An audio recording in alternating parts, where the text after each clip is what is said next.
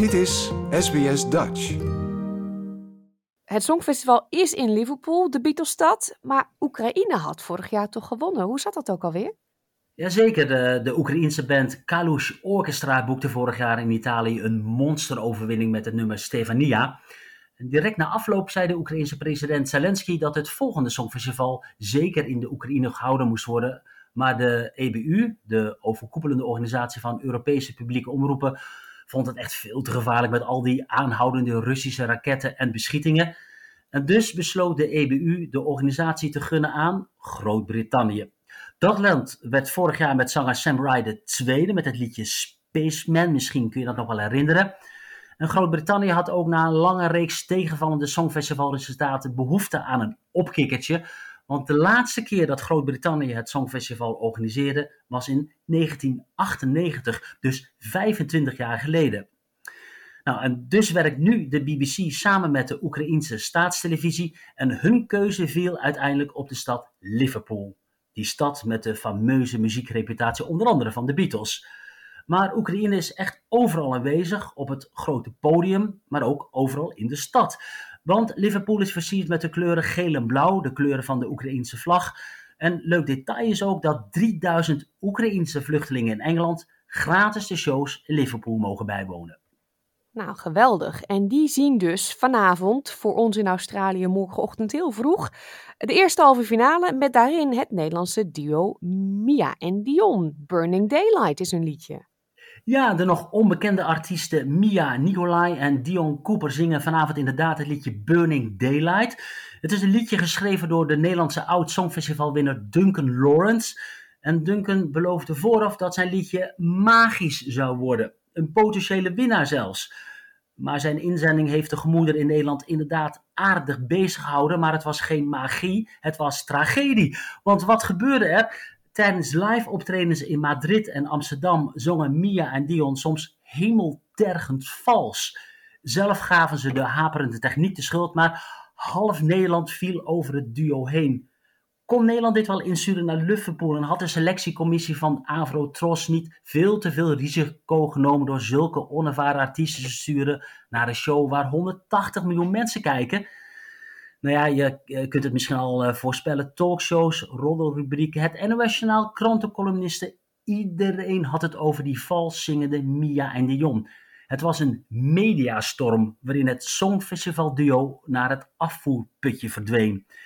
Nou ja, duo zelf, die, uh, ja, dat leed echt zichtbaar onder al die kritiek. Het is zo zwaar, verzuchtte Mia in een tv-documentaire. Maar gelukkig kwam het productieteam van Duncan Lawrence met een oplossing. Het verhoogde de toonsoort met anderhalve toon, dus het lied werd hoger gezongen. En drie achtergrondzangers, onzichtbaar voor het publiek, werden toegevoegd.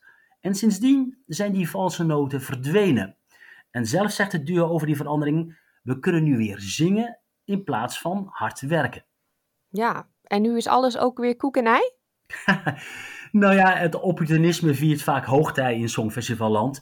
De venijnige kritiek heeft na de eerste repetities plaatsgemaakt voor ja, ja, optimisme. Want volgens de kenners, en dat zijn er heel veel in dit land, heeft Nederland nu een goede kans zich te plaatsen voor de grote finale op zaterdag. Ja, of dat zo is, mm, ik betwijfel het. Laten we positief beginnen. De zang is inderdaad niet meer echt vals. En het liedje Burning Daylight wordt ook zeker stijlvol in beeld gebracht. Mia en Dion, beide in zwart gekleed, staan op een draaischijf met veel lichtjes en heel veel rook. En de camera's brengen ze close in beeld, waardoor een intieme soort verliefde sfeer ontstaat.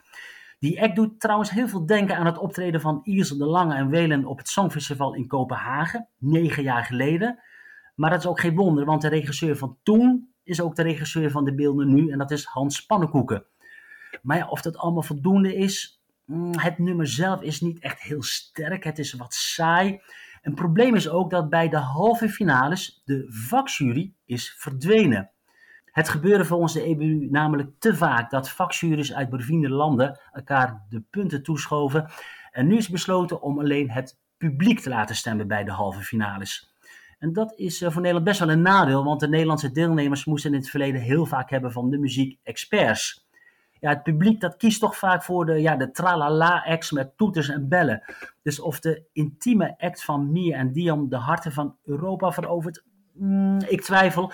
En de boekmakers twijfelen ook, want die voorspellen dat Nederland met een elfde plaats vanavond net buiten die finale boot valt.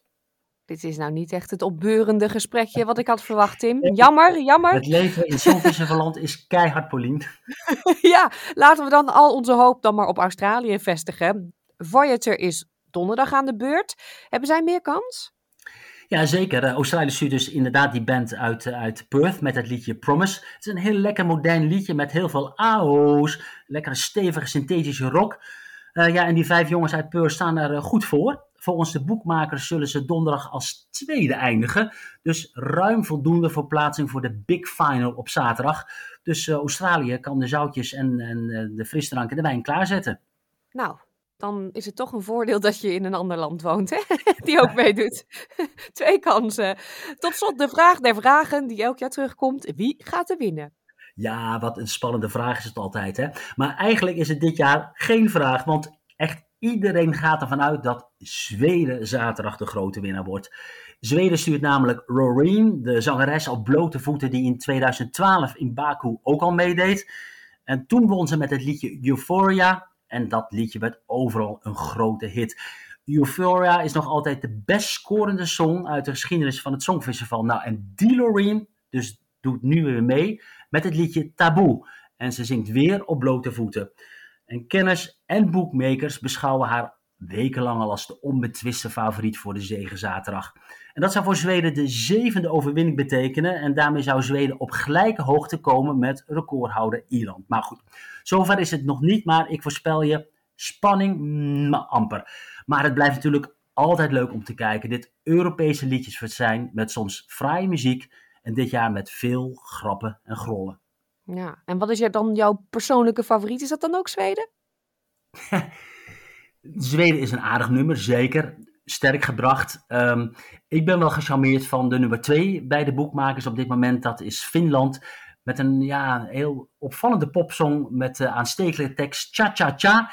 En ik voorspel je, um, daar gaat heel Europa uh, meezingen uh, komende, komende zaterdag als het in die finale staat. Dus ik zou zeggen, let ook op Finland.